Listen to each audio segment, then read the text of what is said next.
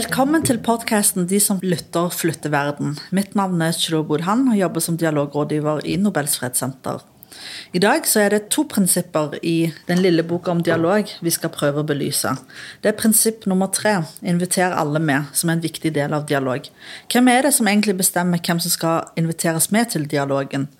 Inkludering det fører til at flere får formidla sine syn, og flere blir ansvarliggjort. Og derav så er det flere som føler en tilhørighet til sine omgivelser og lokalsamfunnet. Du har òg prinsipp nummer fem, der vi prøver å belyse at alle må dele sine erfaringer. Forskningen kan avgjøre om noe er valid eller ikke, men i dialogen mellom meg og deg er det viktig at du anerkjenner mine erfaringer som like viktig som dine erfaringer. Og Derfor er alle ytringer og meninger likeverdige i denne setting. I dag skal vi belyse disse to prinsippene gjennom å utforske Shabanas arv. I studio har vi med oss tre gjester som eh, både kjente Shabana Rehman veldig nært, men òg har forskjellige typer engasjementer fra hver sitt ståsted. Jeg vil gjerne at dere skal bli kjent med stemmene deres selv, så vi kan starte med Tina. Eh, Tina, fortell litt om deg sjøl. Hvem er du? Ja, Tina Shagufta Munir Kornmo heter jeg. Jeg innvandret fra Pakistan i 1972 og var med på å starte LIM i 2010 sammen med andre liberale stemmer i Norge.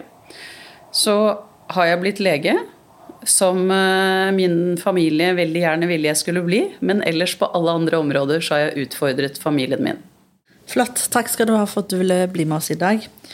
Så er vi så heldige at vi har fått med Shabana Remans bror òg, Shakil. Eh, kan du fortelle litt om deg sjøl, så vi blir òg kjent med din stemme? Ja, eh, jeg har jo tidlig tatt til orde for det at jeg har vokst opp i et antirasistisk samfunn, så da har jeg vært eh, veldig preget av det. Og oppfatter meg som en antirasist og en aktivist for toleranse. Tusen takk skal du ha. Takk for at du er med oss i dag. Så har vi den tredje stemmen, og det er Hina. Hina, vil du fortelle litt om deg sjøl? Hvem er du, og hva er du interessert i? Mitt navn er da Hina Li Kasi Aarud. Jeg har foreldre fra Pakistan. Jeg er født i Norge, Sarpsborg, oppvokst i Sverige. Min pappa var første generasjonens pakistaner som flyttet hit på 70-tallet. Jeg, jeg, har en bachelor i fred- og konfliktstudier. Og jeg har mot min vilje, tenkte jeg å si, eh, da fordype meg i vold i nære relasjoner og æresrelatert vold, negativ sosial kontroll, i mitt yrkesaktive liv. Og det er jeg veldig takknemlig for. Når jeg sier med ironi at jeg har gjort det mot min vilje. Det var ikke den veien jeg skulle gå, men sånn ble det, og det er jeg svært takknemlig for. Og det er også der mitt sterke engasjement ligger. Så flott. Takk skal du ha. Takk for at du ville være med i dag. Vi skal jo da utforske litt grann, eh, Shabanas arv og hennes engasjement eh, fra forskjellige typer tema eh, og spørsmål som vi skal løfte opp i dag. Men jeg eh, begynner med et veldig bredt og stort spørsmål, og så utforsker vi de detaljene etter hvert. Hva er det viktigste med Shabanas arv og engasjement? Eh, kanskje vi kan starte med Shakil? Ja, egentlig Shabanas engasjement var veldig enkel. Da hun vokste opp eh, allerede som 13-14-åring, så ville hun være helt normal jente. Akkurat som en hvilken som helst norsk jente. Og det fikk hun ikke lov til. Og da begynte hun å resonnere rundt det og tok opp den kampen. Fordi hun fikk, Som 14-åring, hva ville hun? Hun ville danse. Hun ville kle seg som andre unge, normale jenter gjør. Hun ville ha en kjæreste. Helt normale ting. Og selvfølgelig også ville hun ikke oppleve rasisme. Så hennes engasjement begynte som at hun ville være seg selv. Hun ville ikke bli sett ned på fordi hun var brun i huden eller var innvandrer. Og hun ville heller ikke at andre skulle begrense henne pga. religion eller kultur fordi at hun var jente og da kunne hun ikke ha en kjæreste. Eller. Så det begynte med at som kvinne så opplevde hun på kroppen begrensninger. Enten om det var rasistisk eller om det var kulturelt religiøst. Hun fikk ikke lov til å ha kjæreste. Jeg selv var jo kontrollerende på den tiden. Jeg hadde jo fått med meg den mannsrollen fra kulturen. Så jeg ville også begrense henne da jeg selv var 17-18 år. Så Shabanas engasjement var veldig enkelt. Hun ville være seg selv. Og når hun ikke fikk lov til det, så hadde hun den modigheten og den viljen til å kjempe. Hvorfor får ikke jeg lov til å være meg selv? Hvem er det som begrenser meg? Så tok hun opp den kampen. Så var, Hun ville bare ha frihet, hun ville ikke oppleve vold. Så enkel var det der. Eh, Hina, har du lyst til å fortelle litt mer om eh, Shabana? Du kjente jo henne òg som en venn. Ja, eh, og jeg skal ikke på noen som helst måte ta åt meg æren at jeg var en veldig nær venn i den forstand. Men jeg kjente henne og ble kjent med henne i forbindelse at jeg selv var med i Klassekampen om min historie da, for noen år siden. Og jeg husker jeg satt på jobben når vi kom ut av avisen, og min sjef, fantastisk sjef kom løpende inn. 'Shabana Rehman har delt historien din', sa han. Og han var så stolt, Anders, husker jeg. At liksom, for han syntes Shabana var så kul. og det var han eh, dret fullstendig i at jeg var i avisen. Det var det at Shabana hadde delt det, som var det viktigste av alt. Eh, og det var på kvinnedagen 8. mars, og det var første gang jeg møtte Shabana Rehman på Jungstorget. Og da var det sammen med eh, De skamløse jentene, som akkurat hadde startet denne eh, runden med debattartikler. Eh, som var 'Vi de skamløse jentene av vår tid nå'. Og Shabana var den første som gav de stemme. ikke sant? Det var hun som skulle holde appell, men hun tok jentene opp der, gav de stemme. Og jeg tenker at det sier alt om Shabana. Hun gav alltid alle andre stemmen. Det var det som var målet hennes. Hun ville gi meg stemme, hun ville gi de stemme. Og hun, eh, hun hadde den her kjempemerkelige hatten på seg med de her røde tingene. Men som er hun, da. Og jeg husker at jeg bare var full av beundring. For jeg gikk også den kampen. Hun er nå ti år eldre enn meg, men Eh, og for meg var det veldig rørende å være i hennes begravelse. For jeg var også i Fadime Sahindan sin begravelse når jeg var 16 år. Og nå satt jeg i Shabana sin begravelse, som har vært en så viktig stemme. Og for meg er det så gripende. For jeg har selv forlatt min familie. Jeg har ingen kontakt med det. Jeg har ikke hatt det siden jeg var 13 år. Jeg har med to søstre. Men min familie har aldri møtt min familie. Jeg har vært utsatt for drapsforsøk gjennom årene. Jeg har bodd på eh, skjulte adresser. Så stemmer som Shabana, som har gitt stemmer For på ingen som helst måte er de skamløse jentene de første jentene som er banebrytende. Det stemmer som Fadime Shabana min, som har gjort at de og igjen har fått stemmer. Og det syns jeg vi aldri må glemme med Shabana sitt arv. Tina, hva, hva, mener du er det viktigste med Shabanas arv og engasjement? Det er nok det at hun har vært en veiviser og at hun har blitt en rollemodell. Eh, da jeg var ung, jeg er jo ca. ti år eldre enn Shabana, så husker jeg jo henne først og fremst som en rebell, og mens jeg tok mine kamper privat i min familie for å få mine friheter, så tok hun sine kamper i offentligheten. Eh, og jeg husker nok at jeg var påvirket av de konservative, syntes at ja, kanskje ikke man trengte å ta kampen på den måten da jeg var yngre. Eh, men så etter hvert, eh, da jeg ble eldre og fikk egne barn, eh, giftet meg med en nordmann og begynte å leve litt mer inn i den friheten som er i det norske samfunnet, så begynte jeg å skjønne betydningen av det at hun var så verbal, det at hun var så høylytt og ville kjempe for sine eh, rettigheter, for sin frihet. Fordi det var jo så mange som begrenset henne. Eh, og det å ta de kampene, det er det som gjør at vi i dag har mange flere unge stemmer.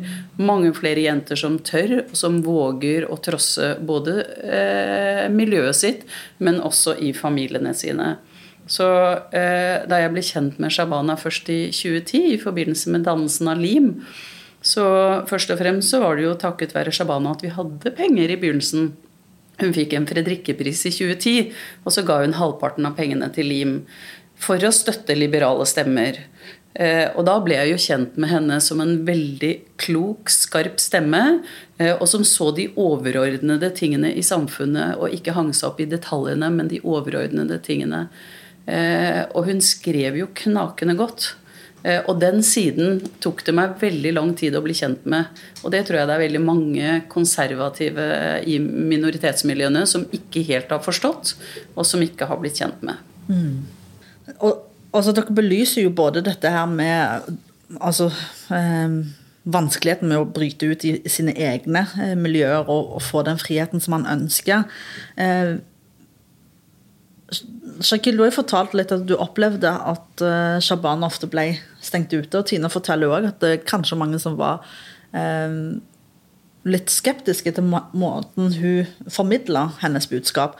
Uh, noe av det var jo mye mer fysisk òg, når hun løfta opp mulla Krekar, men andre ganger så, så er det skriftlig osv.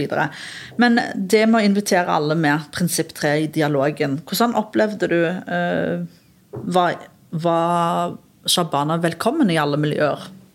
Eh, vi ble faktisk veldig overraska da vi sto frem og uh, Da Shabana var, eh, begynte som standup-komiker og begynte å, å, fortelle hva hun reagerer på, så trodde vi at vi skulle få massiv støtte.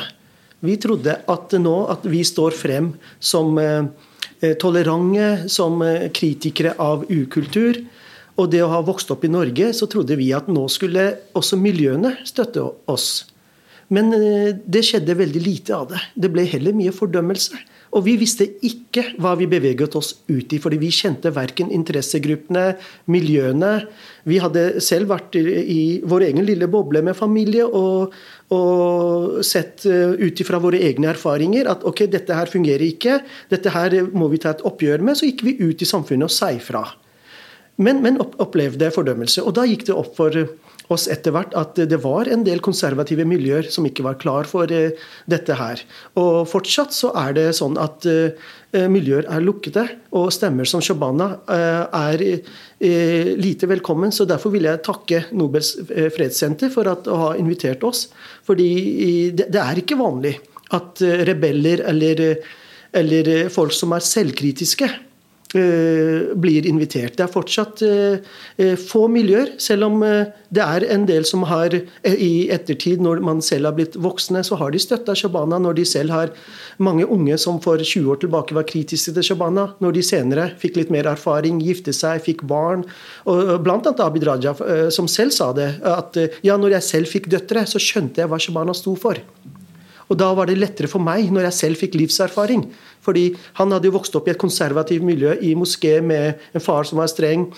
Så han forsto ikke. Han bare fortsatte det eh, kulturen og familien krevde av han, så han gikk imot Shabana i begynnelsen. Men når han fikk livserfaring, og selv fikk døtre, så har han eh, ikke spart på eh, gode ordene eh, til Shabana. Og det er jo det også vi opplever med mange andre som har blitt voksne, som skjønte i etterkant. Men vi har et, hatt et stort problem med det konservative. Det er eh, mange lukkede, særlig religiøse miljøer som har etablert seg her. Og de viderefører sitt kvinnesyn og sitt, sin mannsrolle, sitt menneskesyn i, i miljøene, nesten direkte overført fra sine hjemland. Og Det var det som var en overraskelse for oss. Vi visste ikke at det var så sterke konservative miljøer som hadde slått røtter her. Og som ja, Abid Raja bl.a. Eh, beskriver så bra. Så Fortsatt så har vi et veldig stort problem med det, at det videreføres konservative holdninger gjennom moskeene til sine unge. Parallelt med at det er mange som er utenfor disse miljøene og gjør sine erfaringer og blir liberale. Så vi har eh, flere ulike miljøer her, men det trengs å snakke om Shabana, arven etter henne. Derfor er jeg veldig glad for at vi har denne debatten her i dag. For det er veldig mange som, unge som i dag eh, er i lukkede miljøer, som ikke får alternative stemmer inn til seg. Så, så, vi trenger sånne debatter, men dessverre, det er veldig få som kan tenke seg selv ledende eh, eh organisasjoner på integreringsfeltet. De inviterer ikke folk som Shabana eller meg. Så det, det er eh, et stort behov for sånne podkaster og sånne debatter som vi har i dag, innad i miljøene. Jeg er helt enig mm. i det som du sa. Ja. Vær så god, Tina. Det kunne jo være interessant f.eks. å hatt eh, dialogmøter med konservative og liberale stemmer. Men, eh, og vi har hatt mange dialogmøter i Norge, men veldig få hvor vi har hatt de konservative sitte sammen med liberale Eh, og det er der jeg også savner litt den der stemmen til førstegenerasjonen. De som kom og tok med seg disse konservative holdningene og verdiene. Eh, og jeg har jo en far som har vært en eh, patriark og streng, autoritær. Men da Shabana døde, så var en av de tingene han sa, var at han syntes det var så flott at det norske samfunnet hyllet henne med en statsbegravelse. Og han var så stolt. over at det var faktisk en med pakistansk bakgrunn som hadde turt å stå imot hele samfunnet. Eh, og jeg tror at det er flere som faren min. Det er bare det at du må finne de, og du må ta de med i dialogen, sånn at de faktisk får en stemme i det norske samfunnet også. Eh, og eh, den reisen det har vært for denne første generasjonen, de 50-60 årene det har tatt dem å bo i Norge, det har gjort noe med dem. Og de fleste unge jenter i dag som har giftet seg med nordmenn også, de vet også det at en del av de, de mistet kontakten med familien sin. Og så har det tatt lang tid, men veldig mange har fått etablert kontakten igjen. Og det der å gi dialogen både tid, men også rom, og det som vi snakker om i dag, nemlig det å invitere alle med og la de dele sine erfaringer, det dialogmøtet, det har ikke skjedd ennå. Det savner jeg. Jeg tenker jo Det som var fint med Shabana, da, var jo at hun ville ha denne dialogen nå. Mm. Nå skal det fram. Nå skal det skje. Og det jag är så enig i den Jeg deler den ivrigheten da hun hadde. At eh, hon ville ikke skynde langsomt, For det var nå det måtte skje. Og jeg, jeg, kan ikke stå fram på den måten som hun gjorde i offentligheten. Hun hadde jo todelte roller. ikke sant? Hun var standup-komiker, hun var en samfunnsdebattant. Hun, eh, og det hun har ofra gjennom å være det eh, var mange som Jeg syns Zahid Ali sa det så fint i talen, at eh, Velkommen til alle nye venner også i begravelsen, sa han, som nå er så godt kjent med henne. Og det er noe med det. Det jeg deler, er jo at vi som har følt det på kroppen, vi generasjonene som har tatt kampen, vi blir, vi blir ikke invitert i disse debattene. Vi eh, får ikke de jobbene eh, som vi ønsker å få for å kunne Jeg delte et litet innlegg av eh, Efterfødt fri om Shabana på Facebook, der jeg forsvarte eh, henne i hvordan hun hadde blitt håndtert. Og det kjenner jeg fortsatt på kroppen på gjennom jobbene man ikke får, og etc. Så det er en eh, toleransevindu for eh, stemmer som Shabana er veldig liten, tenker jeg. Både det pakistanske miljøet, men også det etnisk norske miljøet er det. Og som fagperson kan jeg si at vi har kommet langt. At vi prater offentlig og åpent om det. Men like mange, eller mange, blir utsatte. Det er fortsatt veldig lukka. Nye metoder skapes. Sosial kontroll er svært utbredt. Men kanskje vi klarer å fange opp mer? Ja, men langt ifra mål. Og at det ikke er konservative miljøer der ute. Det er det. Og det verste med de konservative miljøene er at det faktisk fortsatt smitter inn i våre generasjoner. Så derfor er vi langt ifra mål. Og det må vi få med alle på. Vi må bli invitert til flere debatter med de konservative, med de ikke-konservative, med alle som har noe. Dvs. Si alle må ta del av det og vise et engasjement for det. Jeg syns Fredssenteret følger faktisk opp arven etter Shabana på en veldig fin måte, men disse to eh, grunnsteinene. Da, med å invitere alle med og la alle få dele sine erfaringer. Det var det Shabana sto for. Hun eh, eh æret mye av sin eh, barndomslærerinne, eh, Tora Mæhle, nettopp for det at hun oppmuntret henne til å å fortelle hvordan hun føler, skrive det ned, gå ut i samfunnet. Og Det var det Shabana var opptatt av. At nå er Norge mitt land. Da vil ikke jeg være fremmed i landet her. Jeg vil fortelle eh, både gamle og nye borgere hvordan jeg tenker. Så hun ville delta i debatten og fortelle hvordan hun opplever. Hun ville være en del av samfunnet. Og, og, og, hun ville både at hun skulle inviteres inn, men også alle andre stemmer som er uenige med henne, skulle inviteres inn. Så jeg syns det er så flott av Fredssenteret, nettopp det å ha disse temaene. at Inviter alle med. fordi det var nettopp det som var arven etter henne. Men da ville ikke hun heller bli utestengt.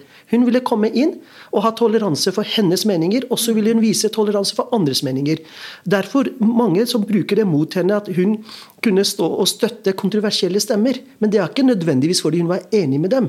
Men hun ville ikke at disse kontroversielle stemmene, hvis de møtte hets og, og trusler, så sto hun sammen med dem, selv om hun var uenig med dem, at de har like mye rett til å si sin mening som det hun har. Men samtidig så er det uh, lite kritikk til faktisk i, den sammenhengen at når man, men Da er det ikke til fredssenteret, men da, er det heller fritt ord, f.eks. At når de har da debatter om, de, de, har hatt, kjørt en debatt om islam i Norge, men så mener jeg at da faller man ned til det konservative eller det tradisjonelle, at man inviterer ikke inn alternative stemmer, selv om man fritt ord hvor man skulle hatt Eh, slippe alle til, alle skulle være med. Og jeg kritiserte dem, for de stemmer som meg ble ikke eh, invitert, selv om jeg har vært en av de tydeligste stemmene innenfor islamkritikk. Så var det ikke snakk om at en stemme som meg skulle inn dit. Og Det, det synes jeg også er litt merkelig, fordi når man, eh, en organisasjon som Fritt Ord skal ha debatt, lang debattserie over et par år om islam i Norge, så faller de til de samme temaene. Og, og Da kommer det ikke noe nytt, det kommer ikke noe endring når du ikke inviterer inn stemmer fordi at man ikke vil assosieres med stemmer som meg, f.eks. Men Fredssenteret følger i hvert fall opp arven etter Shabana ved å, å, å, at alle skal eh, med, alle skal få si sin mening. Det er det Shabana sto for tenker dere skal få komme til. Jeg tenker, altså, På et av de møtene som jeg var med i Fritt Ord, der var jo egentlig tema Shabana eh, og hennes kamp. Og var sammen med Zahid Ali. Så, så, de ble i hvert fall invitert inn en gang, som jeg vet om.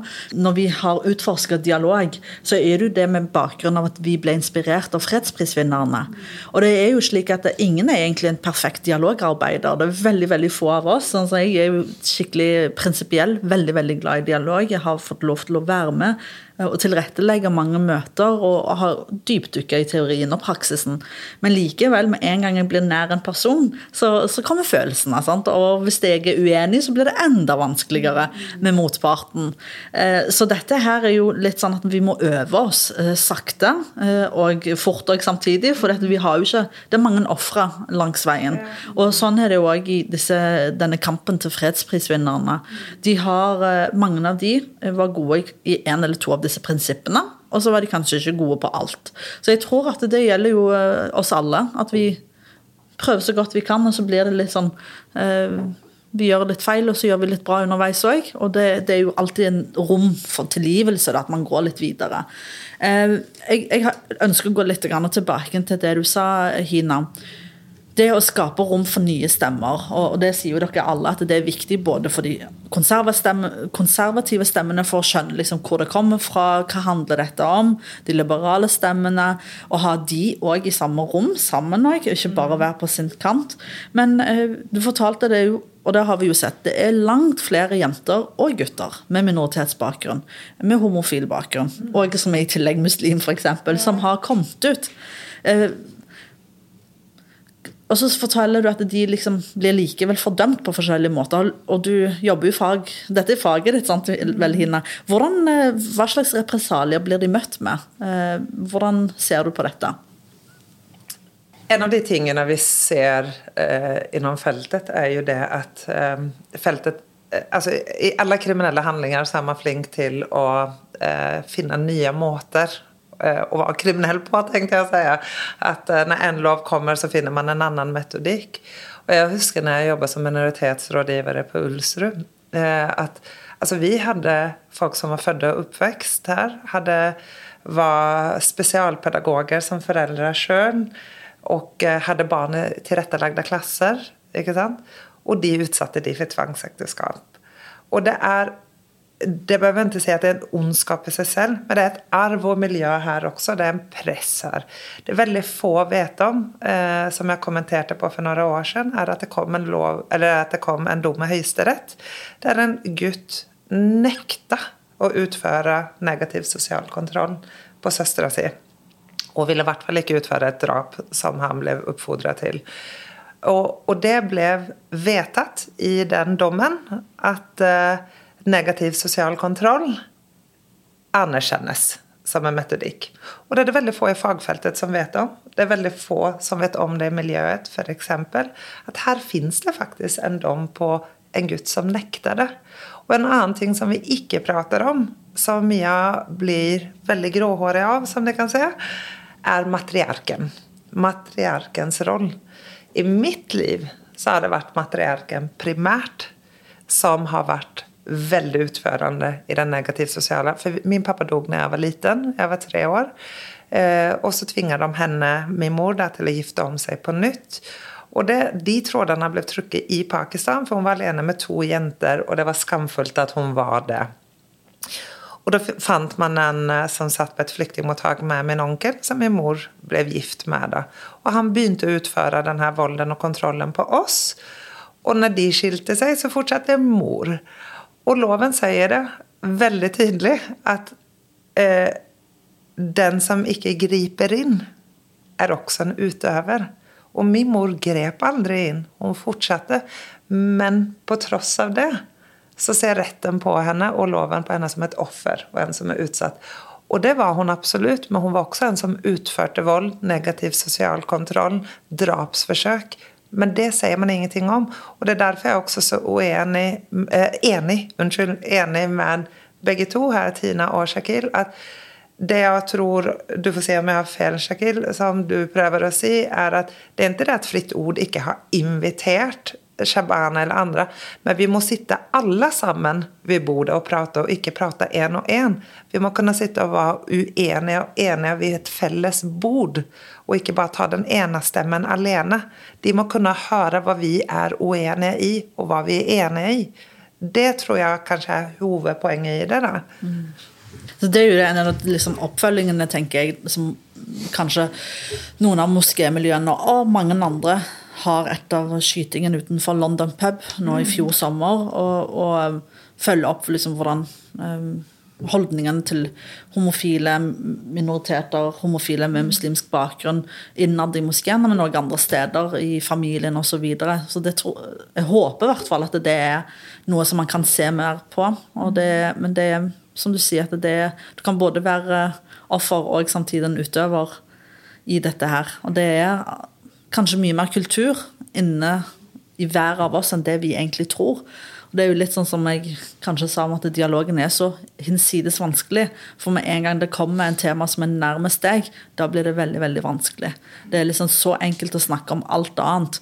Men, eh, det, og det har vi jo sett på hvordan ja, kanskje det, og det beste eksempelet er jo kanskje det med Ukraina-krigen i Norge. At så mange er engasjert i å prate om det. Men det har jo vært f.eks. krig i Syria i over ja, ikke sant? Ja, i, hva da, i tolv, ti år, i hvert fall. Ja. Mm. Så, så um, men slik er det. Mm.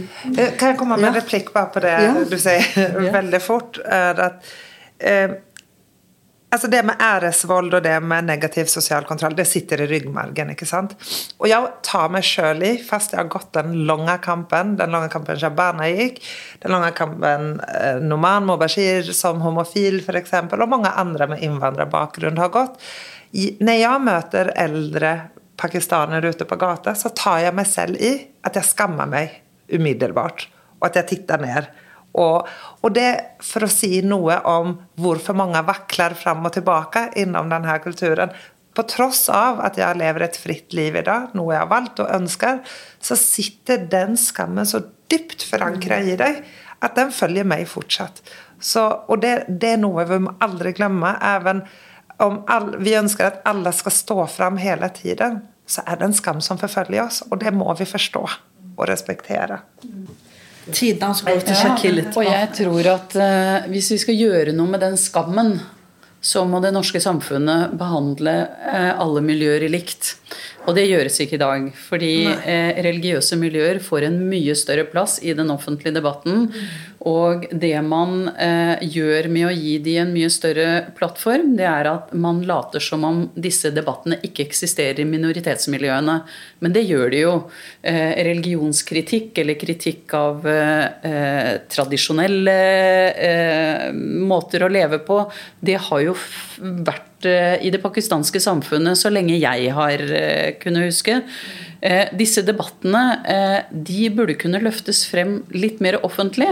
Eh, og da vil du også gi de liberale stemmene litt mer vekting. fordi at det å stå sammen med flere liberale og stå imot gammeldagse holdninger, det er mye enklere enn hvis du skal stå én og én. Og når du står alene mot et helt miljø, så blir den skammen den blir værende. Så hvis vi skal ta bort skammen, så må vi la de liberale få lov til å stå sammen, stå frem og være med i de viktige viktige debattene. Eh, jeg vet ikke helt hvorfor eh, man tror at man kan føre en dialog videre ved at man bare plukker ut noen og noen stemmer, og at de har parallelle debatter. For det er det vi har hatt til nå, parallelle debatter. Men vi må ha en debatt hvor alle sitter ved samme bord. Og det har man gjort eh, blant de kristne kristne, ateister, eh, både kristne som er svært konservative og mindre konservative, de sitter jo og diskuterer i, eh, i, den offentlige debatten. Og jeg skulle ønske at det kunne også skje med muslimer. At vi hadde hatt all slags type muslimer. Light, eh, veldig konservative, liberale, de som ikke lenger er muslimer. At de kunne sitte rundt samme bord og diskutert samme tingen. Mm. Fordi at vi er jo opptatt av at våre barn skal få det bedre. Eh, og da må vi også tørre å ta de åpne debattene. Og så er det noe som en eh, venninne av meg som utdanner seg til å bli psykiater, en gang sa til meg. Et begrep som jeg syns er veldig viktig, nemlig det der med ærlighet uten kjærlighet er hensynsløshet. Og det jeg husker med debatten til Shabana, det var at hun var så grenseløst eh, eh, positiv. Hun ville ha med alle. Hun, selv de som var uenige med henne. Sånn at hun var ærlig med sine metoder. Men hun var det med kjærlighet. Men den responsen som hun fikk, det var ærlighet uten kjærlighet. Og det syns jeg vi må gjøre noe med. Vi må la det være et større rom for meninger. Mm. Og Det er veldig spesielt at du forteller dette, her, Tina, for forrige gang så hadde vi faktisk religionsdialog som tema på De som flytter eh, Nei, De som lytter og flytter verden i podkasten her. Og da sa de eh, Du var veldig enig om at det siste 30 års dialog for religionsdialog har vært enda mer fremdriftsfull enn det det har vært de 300 siste årene. Så vi har jo egentlig en potensial til å få fram mye raskere resultater nå i moderne tid. Om det er pga. digitale rom, det kan jeg ikke si så mye om, men, men at det har skjedd en endring, og det er rom for det, men at man må få det til. Man må på en eller annen måte få praksisen til, til at vi snakker sammen på den måten som du eh, illustrerer så godt. da, Ja, så er det viktig at disse debattene eksisterer jo, men at de er ikke oppe og synlige. De eksisterer i pakistanske hjem allerede. Ja. Eh, Shakil, du òg hadde noe du ville si om dette her? Ja, jeg ville bare følge opp det Hina sa, for det er veldig viktig, for hun snakka om morens rolle. Og, og, fordi mor har veldig mye press på seg. fordi det konservative religionssynet som nå blir presentert, det går ut på at mann eh, skaffer jo penger og, og til eh, utgifter, så han er ute og jobber. Mor er hjemme, det er hun som har ansvaret for barnas oppdragelse.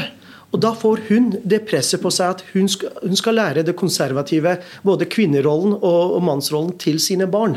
Så mor, mor, får et kjempepress på seg. Og det opplevde min egen familie. Hvis det var noe som gikk gærent, pappa kjeftet på mor. at har, Det er hennes feil at vi har gått våre veier og vi ikke har oppført oss anstendig.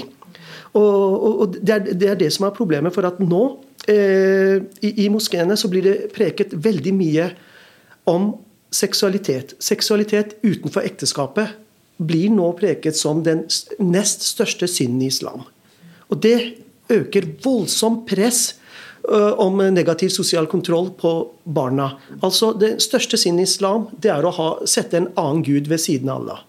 Det nest største blir preket som nå, er at hvis man har seksuelle forbindelser utenfor ekteskap, så er det lik mord, faktisk. Det, det, blir preket i enkelte sentrale moskeer.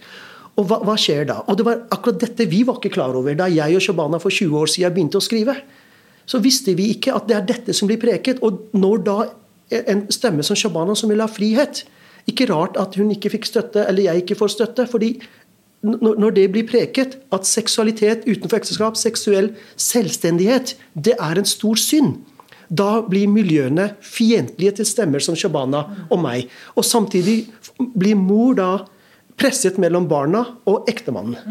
Så det med mors rolle er kjempeviktig å få frem. Og det moskeene preker i dag om seksualitet utenfor ekteskap som lik mord, dette skaper veldig mye press på mor og far for å ha kontroll på sine barn. Og, men, men disse debattene er ikke tatt internt, fordi dette er hellig. Det det man preker. Når dette er hellig, så kan man ikke slippe en stemmer som meg eller Shabana inn i miljøene. Så, så tvil finnes ikke. Og, og, dialog rundt dette finnes ikke, fordi da pirker vi noe som de, blir, de preker som hellig. Så hvordan skal vi sette i gang disse debattene? Fordi Vi får ikke gjort noe med negativ sosial kontroll så lenge seksualitet utenfor ekteskap blir presentert som noe som Gud er imot. Mm. Men Shakir, hvis du hadde fått en invitasjon fra en moské da, hvor dette nettopp var tema, hadde du møtt opp? Ja, selvfølgelig. Jeg har jo bedt om det. Men, men, men det er nettopp der jeg er blitt totalt utestengt. Jeg har jo uh, bedt sentrale organisasjoner som har fått statsstøtte de siste 15 årene, om å slippe meg til. Nei, nei, da sier de nei, vi vil heller ha ungdom med. Ja, og ungdom er jo viktig, da. Det er, ja. jo, det er jo ikke, det ikke for å sette det mot hverandre. De setter det meg opp mot ungdom. Ja. Men, men, det er fordi at dette enkelte miljøer er så tett knytta også til moskeer. At de kan ikke slippe inn alternative stemmer som tar opp sånne ting. Og, og da fortsetter eh, det til andre, tredje, fjerde generasjon, når man lærer at seksualitet utenfor ekteskap er lik drap. Hvor mye press er det det blir på foreldrene da? Ja, mm, mm. ja nei, det er, det er, jo et umenneskelig press på unge mennesker. Eh, men en ting som jeg har lært eh, gjennom oppveksten, det var at eh, jeg trodde alltid at pakistanere var så mye mer uh, at de hadde en mye bedre moral enn alle andre. Mm. Men det jeg har erfart, er jo at de har akkurat den samme moralen som alle andre. Det er like mye utroskap, og man får barn utenfor ekteskap, og skilsmisseraten blant norsk-pakistanere er vel kanskje lik, om ikke høyere enn blant nordmenn. Og jeg tenker at eh, Vi må huske på det at eh, det er jo ikke slik at pakistanere ikke har sex utenfor ekteskap. Ehm, og Derfor så skulle jeg ønske at når vi diskuterer disse tingene, eh, at man ikke hele tiden eh, snakker om religion, men religion kan godt være et element av det. Men at vi snakker om hva, hvordan er samfunnet vårt i dag? Hvem er det som er en del av samfunnet vårt? Jo, noen er religiøse, men selv om vi har en religiøs minoritet, så i det norsk-pakistanske miljøet så er det like mye sex utenfor ekteskapet som det er i det. Nei, i, i det etnisk norske eller eh, norsk-somaliske eller andre miljøer. Ting skjer, og vi må forholde oss til det.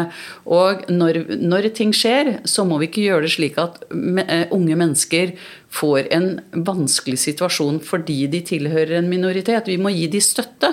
Og så må vi si fra til dem at dette her er faktisk lov i det norske samfunnet. Selv om din religiøse menighet sier at du ikke skal gjøre det, så har du faktisk lov. Og det kan gjøre at da blir det litt lettere for dem å bære dette her i menigheten sin også. Ja, Det å sette opp lovverket mot hverandre blir jo helt uh, utrolig at man skal gjøre det i et demokrati. At det, det, er behov for det, men det er jo tydeligvis det. Hina? Altså, jeg må jo si, Ur et personlig perspektiv da, så blir jeg nesten rørt av å sitte ved det her bordet. Det. For at vi, jeg liksom har sjelden sittet med to norsk-pakistanere, en norsk-kurder norsk altså Bare for å sette det på sin spiss. Og jeg er 38, jeg blir 39 snart. Og, og, det viser også en framgang at vi sitter her i dag. Og det er viktig. Samtidig som det dere sier, er så vanvittig viktig også. At hvor er vi i samfunnet? Hvem er vi i samfunnet? Hva blir mor utsatt for? La oss prate mer om matriarken. Ikke bare beskytte det for å beskytte det, men la oss prate om helheten, så at vi kan beskytte helhetlig, da, tenker jeg. Men vi må prate om at at også matriarkene utsetter barna sine for vold. Vi må kanskje få en mor opp i retten for å belyse eh, at hun også er en del av dette. Kanskje det gir styrker til noen andre mødre. Ikke vet jeg. Nå prater jeg fritt og ledig i tanker i mitt hode. Og så er det det som du sier, da, Tina. Eh, det med hvem er vi i samfunnet? Hva har vi for bilde? Vi må jo tenke på oss som oss, ikke oss og dem. Og jeg husker en gang jeg sto på gaten på Grønland, jeg bodde der eh, med min eh, nyfødte sønn i vognen, og jeg møtte eh, Og jeg på ingen som helst måte så uenig med han i mange ting, men han er en viktig stemme for at dels for at han er muslim og også er homofil, men jeg er veldig uenig i mange av hans eh, måter å debattere på. En ting som han sa når vi sto der ute og pratet, var at han sa at hvite mennesker blir ikke utsatt for rasisme, sa han. Og så, tenkte jeg Herregud, hva er det du sier? Er det? Og det er derfor det Tina sier blir så viktig. Altså, min mann er jo utsatt for tidenes rasisme av min familie. De vil jo ikke møte han. De har aldri møtt barna mine. Har de gjort. Jeg har aldri, aldri møtt altså, noen i min manns side. Og hvor mye det er rasisme, så vet ikke jeg. Og utrohet og rasisme mot andre. Min mamma sa jo rett ut at se deg heller død enn at du kommer hjem med noen som er fra et afrikansk opprinnelse. Så la oss også være åpne om våre egne kulturer og tradisjoner som er der, for, for at andre også skal tørre å ta debatten med oss. Så her er det jobb begge veier vi må gjøre, tenker jeg. Mm. Ja, Det er så viktig det Hina sier, og det er det som er mye av mitt engasjement også. At antirasismen har vi begrenset. Jeg mener at antirasistene også har sviktet uh, ungdommer mye, når man ikke også ber ungdommer være selvkritiske, også voksne. At Hvordan er våre egne holdninger? Så min antirasisme også går innover. Hvordan har jeg selv vært? Mot, hvilken holdninger har jeg mot Vesten eller hvite, eller mot mine egne søstre? Eh, da jeg vokste opp. Så antirasismen må gå bredere. Vi må også tenke innad i miljøene, men det er en liten mangelvare. At man er så vant til å tenke oss mot dem at de andre ikke skal være rasistiske mot oss. Men hvordan er toleransen innad i miljøet? Hvordan tenker vi om de andre? Om, om, om det er eh, ikke-religiøse, om det er ateister. F.eks. ateisme er et skjellsord i Pakistan, der jeg er fra. Vi har 220 millioner mennesker i Pakistan. Du finner ikke én åpen ateist i Pakistan. Fordi det er et skjellsord. For meg er det så surrealistisk å vokse opp i to virkeligheter. En det norske, hvor det er åpent. Jeg kan være ateist her, jeg kan uh, diskutere religion, jeg kan si min mening. Mens i Pakistan så blir man lynsja på gate hvis man sier sin mening. For meg har det vært så rart å vokse opp midt mellom de to helt forskjellige uh, holdninger. Og, og, og, liberale i Pakistan de tør ikke å være åpne om sine holdninger. Enkelte sier rett ut til meg at vi er bare glad hvis vi kommer levende gjennom dagen, fordi vi må begrense vår ytringsfrihet pga. blasfemilovene der nede. Så, så, det å være selvkritisk det er også en mangelvære, fordi der kommer også religion inn. fordi religion setter deg på en pidestall. At du er spesiell fordi du har tilgang til sannheten. Og da er man ikke opplært til å tenke kritisk om seg selv. Man tenker heller Jeg snakket senest i dag med en kusine av meg. Øh, når hun leste et, en av mine Facebook-poster, så sa hun til meg at det er veldig merkelig det du skriver og sånt, og, om f.eks. hijab og, og, sånne ting. Og da diskuterte vi litt om å ta avstand til sin historie. Så sa han at men hva skal vi ta avstand til? Vi frelst, eh, at, eh, for Jeg spurte henne om hva syns du om at islam begynte som, også som kolonialisme. Vi erobret andre land. Så sa hun nei, vi gjorde det med en tjeneste. Vi kom inn med vår sivilisasjon. Vi lærte dem hvordan, hvilken rolle kvinner skal ha. Vi lærte dem å respektere slektskap. Så vi bringte sivilisasjon til dem. Og da sa jeg at men det du sier her nå, de argumentene du bruker, det samme brukte hvite kolonialister. Når de erobret andre så sa de at det er fordi at de var vantro eller de var mindre siviliserte. Du bruker akkurat samme argumentasjon fordi du tror at islam var så overlegen at da gir det oss rett til å ta over andre land. Så, så denne overlegenheten den, For hun sa at dette var ikke jeg vant til. Jeg er ikke vant til å få sånne typer argumentasjon. Så jeg forstår hva du sier. Men i de lukkede miljøene hun har vokst opp i, i Pakistan. Så for henne å få sånn argumentasjon, det er ikke de vant til. Og Det samme skjer her også.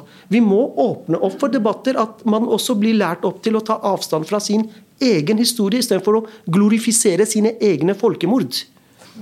Jeg tenker Det så handler også om å se historien litt i et perspektiv. Eh, fordi historien den skal jo ikke gjentas. Den, man skal lese den, man skal lære av den. Eh, og for at man ikke skal gjenta historien, så trenger vi disse åpne diskusjonene. Hva er hensiktsmessig, hva er ikke hensiktsmessig lenger? Eh, og den historien som Shakil forteller om eh, slektninger eller mennesker som kommer og sier ja, men vi har jo gjort Vesten en tjeneste, eller de hvite en tjeneste. Eh, jeg tror den historien får lov til å leve hvis ikke den får en motforestilling. Og en motforestilling det er jo det at ja, men hvorfor velger man å komme til Vesten? Jo, fordi at man opplever en større frihet, en større velstand. Ok, hva er årsaken til denne friheten og til velstanden? Og når man i den dialogen kanskje får litt refleksjon, så tenker jeg at kanskje man kan også få til en endring. Og for oss som sitter her i dag, så har vi kanskje ikke det store behovet fordi at vi gjør våre frie valg. Men for disse unge som vokser opp i dag, som fortsatt skal ha disse konservative foreldrene, så trenger de en alliert utenfor. Og den allierte, det er oss, det er samfunnet, som kan si til dem ja, men du har lov til å mene, du har lov til å ville, du har lov til å ønske, du har lov til å gjøre ting selv om foreldrene dine syns at det ikke er greit. Oh, det er så viktig. Jeg føler at du stjal min replikk her, Tina. Her gjør du. Men det er så sant, er det. Altså, I politikken fins det noe som heter 'responsibility to protect'. Det er det du prater om. Åh, oh, unnskyld. Eh, og og det, er jo, og det er feilen vi gjør. ikke sant? At vi lærer, Det her er min hjertesak. At vi lærer ikke av historikken. Vi bare fortsetter i den samme. Og da vil jeg si noe veldig viktig om Shabana Rehman i det her. Når vi sto på Ljungstorget 8. mars den gangen når jeg hadde vært med i Klassekampen, og um, de skamløse jentene eh, holdt appell sammen med henne, så sto vi nede på torget etterpå, og så sier Eh, jeg skal ikke name-droppe, men en av disse jentene sier da at jeg lurer på hvor mine medsøstre har vært. Og jeg kommer ihåg at jeg bare og jeg, og jeg bare måtte liksom hente meg inn. Så sa jeg 'Hvor vi har vært', sa jeg. Litt, eh, litt agitert, litt lei meg. Og så, så tittet jeg på Shaban og sa 'Ja, vi ble drept'. Vi ble halshugna. Vi ble voldtatt, vi ble innlåste, vi ble sendt ut herifra. Der var vi, og nå har du fått stemmen vår. Vi får ikke glemme historien. Vi får ikke glemme Shabana sitt arv. Vi får ikke glemme veien hun la for oss. Veien jeg la, Shakila, Tina la. Så mange la veien for at historien ikke skulle opprepe seg. Og jeg syns de skamløse jentene er kjempeviktige. Jeg forsøker ikke på noen som helst måte å ta det ifra dem. Men de står opp takket være stemmer som Shabana. Ikke glem historie. Det er det sterkeste. Vi har krig i Ukraina i dag for at vi glemmer historie. Vi har folkemord i dag for at vi glemmer historie. Ikke glem Shabana sitt arv. Ikke glem mitt arv. Ikke glem Fadime sitt arv. Ikke glem dere som sitter her. Ditt arv. Ikke glem arvene. Vi har vært med og lagt de små puslebitene. Vi har ikke gjort den store forandringen. Det har Shabana gjort, absolutt. Men vi har lagt de små brikkene på den lange veien til forandring. Jeg sier det igjen, ikke glem historien. Ikke la det repetere seg. Dette er jo veldig rørende samtaler. Mye mer personlig engasjement enn de andre podkastene. Så jeg skjønner jeg òg dette var dette var dyptgående. Jeg tror dere i studio òg syns dette her er tøft. altså Jeg får en sånn tommel opp her. Det er tøft å høre på, men det er viktig å høre på. Så takk for at dere er så personlige, det dere forteller og formidler. Uh, ja, bare hjertelig takk for det. Takk selv ja. for at vi får være her. Jeg tenkte på noe du sa, Tina. Du sa det egentlig ganske tidlig, hvis vi skal gå litt sånn tilbake til dialog. Um, så ja, Egentlig alle tre sa det, at dette er med endring over tid å bruke rommet og tålmodighet. Eh, Shabana kanskje var på en måte det mest utålmodige, eh, samtidig så den mest nødvendige òg. Men hvordan altså den endringen, hvis vi skal si at den skal gå gradvis litt og litt, er, er det plass for reform, eller er det at vi må bare egentlig ha en slags revolusjon innad i minoritetsmiljøer. Jeg har stilt det spørsmålet til de andre også, som har vært med i podkasten. Og det handler om liksom Reform gir jo litt mer rom for å vurdere, evaluere og så endre underveis. Har vi Hvordan kan vi gå fram da, fra, fra her og videre? Du, du, snakket noe om å ha disse dialogene, åpne en dialog mellom konservative og liberale. Men andre forslag? Jeg tror vi trenger begge deler. Vi trenger noen som er utålmodige, og vi trenger de tålmodige. Eh, og man går ofte den veien eh, fra man er ung til man blir voksen. Eh, at man får litt mer tålmodighet etter hvert som voksen. Og selv har jo jeg erfart det også, at jeg har en mye større åpenhet for å forstå de som er uenige med meg. Jeg prøver hele tiden å finne en måte som vi kan være enige om noe felles på. Um, og jeg ble jo utfordret en gang hvor jeg ble spurt om å snakke med en minoritetsjente som hadde blitt gravid eh, med en minoritetsgutt, eh, og hvor hun sto i et eh, dilemma. Skal ta abort eller skal ikke ta abort? Fordi, som hun sa, å ta abort, da hadde kjæresten sagt at da havner du i helvete. Mens hvis jeg ikke tar abort, så tar sikkert foreldrene mine livet av meg. Og, så hun sto i et sånn kjempedilemma. Uansett hva hun valgte, så var hun dømt. Og da måtte jeg jo bruke alle mulige ressurser og krefter inni meg selv som sa at ja, men dette er jo helt feil, du kan jo ikke tenke sånn. Eh, og eh, måtte liksom prøve å finne en eller annen utvei og mulighet for denne unge jenta. Eh, og så sa jeg men du må huske på at det er jo ditt valg om du vil beholde det barnet eller ikke. Fordi det som har skjedd, det har skjedd. Og så må du huske på at uansett hva du velger, du tror på Gud og du tror at Gud er tilgivende og at han er snill. Og du har jo et helt liv foran deg til å gjøre gode gjerninger. Så denne ene handlingen vil jo ikke dømme deg. Um, og uh, da klarte jeg liksom å finne frem, og det tror jeg ikke jeg hadde klart hvis, da jeg var 18. Men som voksen så klarer jeg liksom å hente frem de mulighetene. Og det er det jeg tenker vi må finne for disse unge. Uh, og det er samtaler med de unge, men vi må ha mye flere debatter i, på TV. Vi må ha de der hvor de unge er. Eh, de er jo ikke så mye på Facebook akkurat, men på TikTok eller på de arenaene hvor de er, så må mennesker som Shakil, som Hina, som meg, eh, eh, eller som representerer de frihetsverdiene, de må være synlige og si at ja, men vi har egentlig ganske ålreit ungdom. De må få lov til å ta flere frie valg selv. Eh, jo da, de har konservative foreldre, men de er ganske ålreite likevel. Og så er det viktig det som Shakil snakker om, kritisk tenkning. Det får de gjennom skolen, og der må skolen være mye mer på. Det, det som er veldig veldig fantastisk med norsk skolesystem og norske skolen, er jo at det er så veldig egalitært. Alle er velkommen, og det er likt tilbud til alle. Og det er samme lærebøker. Men jeg tror det er så til og med norsk eh, altså Pga. digitalisering og dette med kildekritikk og være litt sånn hvor er dette her ekte, denne videoen, eller er det ikke? Eller er det eh, ja, spilt på forskjellige måter? Det tror jeg eh, har lært alle skoler i, i hele verden at man må være litt mer kildekritisk. Men jeg kan ikke si kanskje hele verden, men iallfall Norge. Så har vi satt kildekritikk mer på agendaen. Ja. Mm. Jeg får jo stadig videoer som moren min sender, og hvor hun tror på det som er der. fordi det som er på TV eller på video, det må jo være sant. Mm. Sånn at eh, det er en stor jobb å gjøre for å begrense konspirasjoner, for å begrense eh, helt ville ideer, egentlig. Mm. mm, for å få mer rasjonalitet inn i samtalen. Ja, altså Det er jo helt absurd, men jeg også fikk tilsendt en sånn video, YouTube-video eller TikTok eller hva det var, der det var en hest som løp langs en vannkant, og så var det faktisk spøkelser som eh, rei denne hesten. Og da var de helt overbevist, de som sendte det til meg. Dette var jo ekte.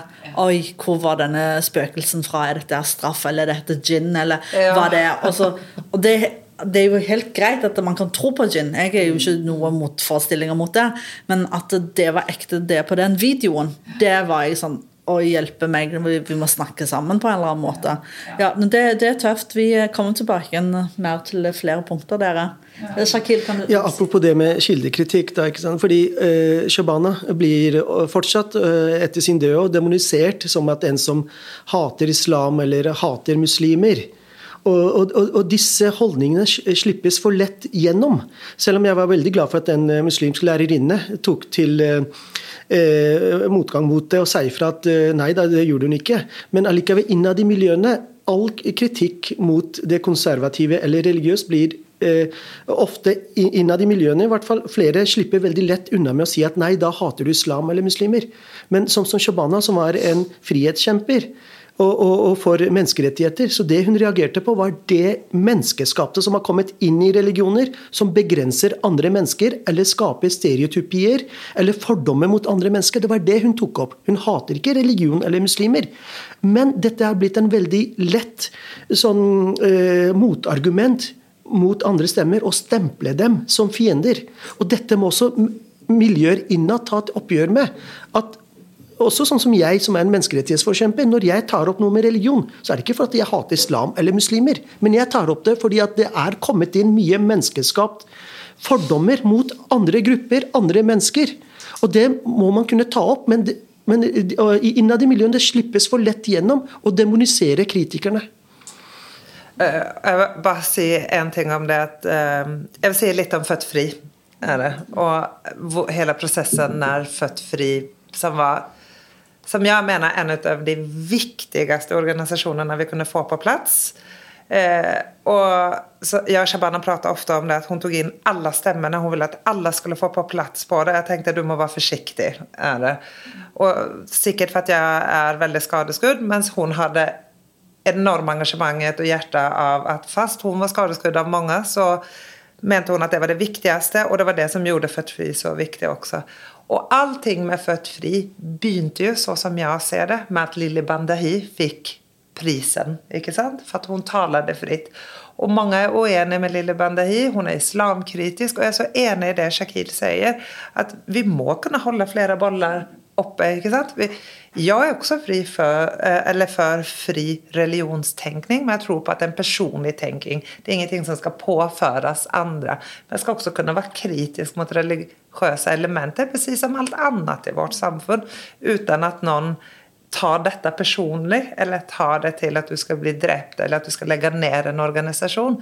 Jeg tenker at en av de største skandalene var at Født Fri ble lagt ned uansett, men, uh, uansett anledning til at det ble lagt ned, så var det feil, syns jeg. For der fikk vi en arena med viktige stemmer som turte å begynne å si ting åpent, inklusive meg selv. Jeg fikk en arena med felles mennesker som turte å si det jeg mente eller ikke mente. Vi klarte å ha de viktige diskusjonene.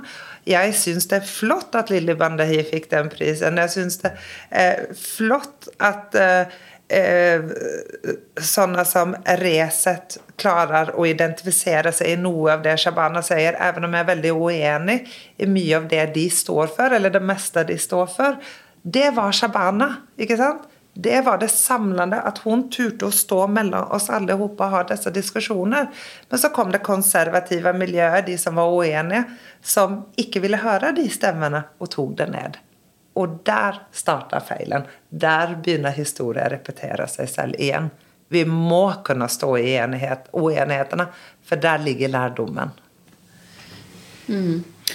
Ja, um, jeg tenker eh, det er mange konservative stemmer som uh, både får midler, plattform og en mye større mulighet til å formidle sitt budskap. Og i, i, samfunnet så har vi en mye større forståelse for at de representerer mangfoldet. Um, jeg syns at det blir et veldig sånn smal del av mangfoldet som da synliggjøres. Og eh, liberale stemmer har fått altfor lite eh, støtte opp gjennom årene. Eh, men da man startet LIM, og etter hvert så kom det flere organisasjoner og Født Fri, så tenker jeg én ting er at kanskje eh, det med eh, hvordan man driver en organisasjon Det har vært en del diskusjoner rundt det, og det var kritikk rundt det. Men som samfunn, som institusjoner, f.eks. IMDi eller de som bevilger, så tenker jeg at de har et ansvar for å få ting til å fungere. Har man et lovverk eller har man et regelverk, så kan man bidra med støtte for at disse organisasjonene skal finne en trygg plattform og kunne eh, operere videre. Fordi vi trenger de pga. Eh, deres utfordring av gjeldende ideologier. Eh, og når man da kun ser på rene sånn organisasjonstekniske ting, eh, og eh, ikke hjelper de videre med å opprettholde organisasjonene, så mener jeg at det er, det er litt mangelfullt. Mm. Fordi da taper vi stemmer, og vi mister folk som kunne utgjøre en mye viktigere del av den offentlige samtalen. Så her, har, her, er det mange som har mye å lære. Mm. Det, er jo, det, det er, jo, en tanke som jeg tror mange har tenkt, at det, det er, det er en hel del organisasjoner som har blitt uh, utsatt kritikk for liksom, du er ikke god nok på regnskapsføringen, bilagene, alt dette. Og det er mange minoritetsorganisasjoner faktisk som blir uh, ja, utsatt for den type regnskap. Men og jeg, Tine, jeg har tenkt mange ganger at kanskje man skulle hatt enda flere sånn Du må ha kompetansekurs i eh, hvordan drive organisasjon og regnskap og bilag osv. før du får bevilgning av penger. Det er litt sånn, sånn at du får ikke lov til å bli foreldre før du har gått foreldrekurs. Eller, eller, så man, eller, så kan man, gi de penger og si at de må gjennom de og de kursene eller få den kompetansen og ha det på plass. Fordi det er litt som å bli foreldre. Man planlegger ikke alltid det. Og det å føle at det er behov for en stemme eller en organisasjon. Det er heller ikke så lett å planlegge. Eh, de fleste er opptatt med sine liv, og hvis man skal gjøre det, så må man få hjelp når man gjør det. Sånn at jeg tenker at man i mye større grad kan ha sånne kompetansekurs som de får. Dere får pengene, men da må dere også gjennom dette her, sånn at vi kan sørge for at dette her blir noe varig. At ikke det her blir et blaff. Og Født Fri er ikke den eneste organisasjonen, som du sier. Det er flere organisasjoner som nettopp trenger den støtten. Forlåt, det her engasjerer meg så hardt at Født Fri ble lagt ned, og andre organisasjoner. Er det verdt det? Er det virkelig verdt det? at hele organisasjonen blir nedlagt for at det er noen varslere der som mener et eller annet. Det er ikke sånn vi håndterer ting, tenker jeg. Jeg er helt enig. Altså, Send på kurs, gjør det. Det var en organisasjon som fungerte. Det hadde en kraft. Den traff mange.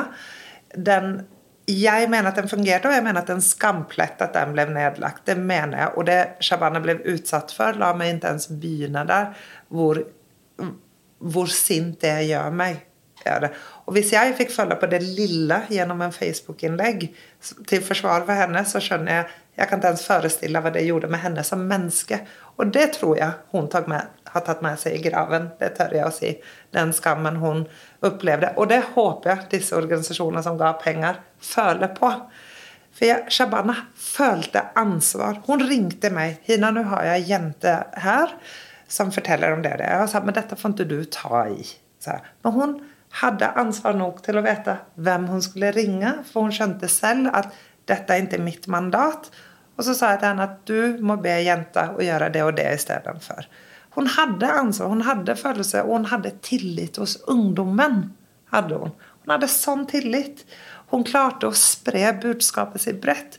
Og at vi mista det. Vi mista det. Det er en skandale. Og det er en skandale at andre organisasjoner også blir henlagt på det. Hjelp de videre, da, men ikke legg de ned.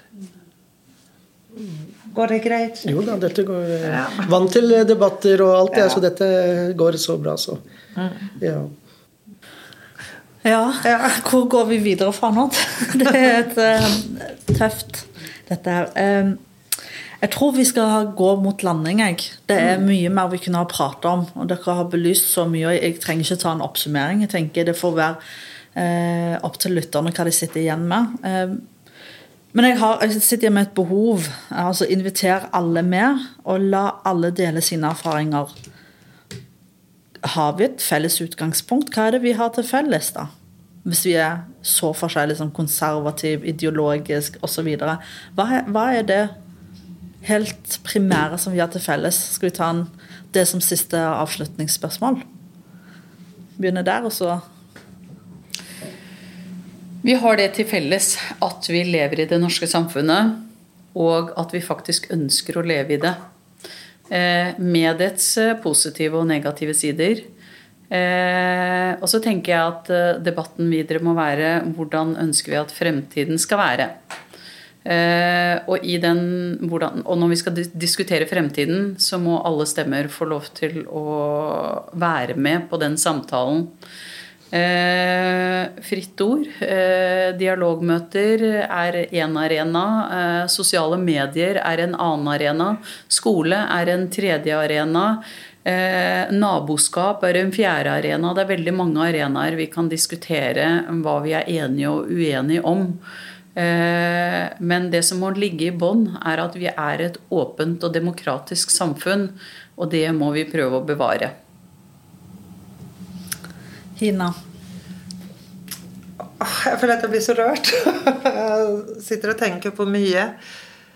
Eh, vi har lyst til å si egentlig kanskje bare én setning om eh, gudmødrene til mine barn, de, de er gifte.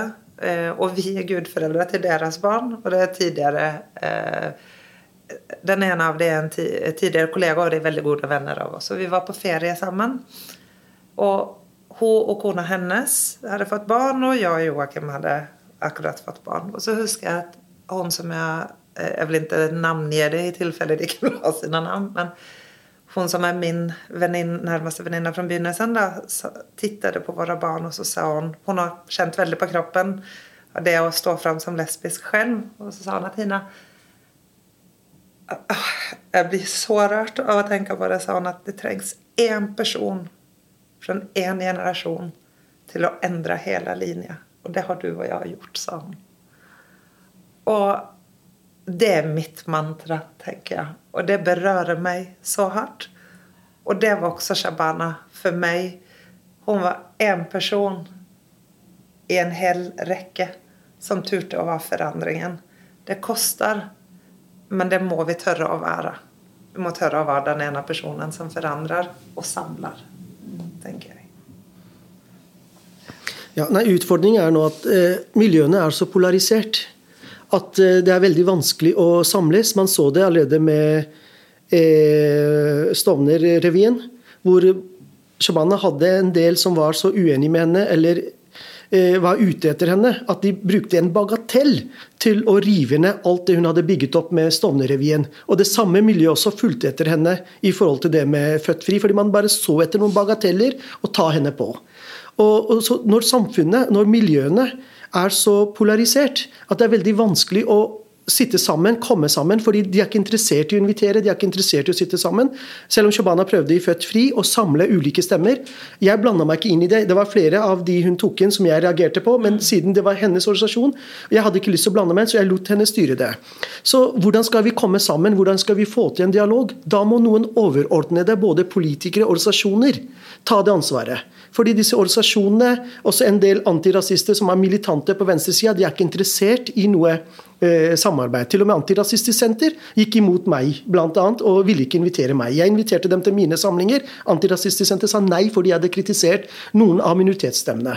Så selve miljøene er blitt så polarisert at eh, de vil ikke ha noe dialog. Så da må sånn som det eh, Fredssenteret tok initiativ til i dag, samlet folk, overordnet, Jeg synes også flere politikere er ganske feige. Så dette må skje på et overordnet nivå og bringe oss sammen. Fordi miljøene vil ikke.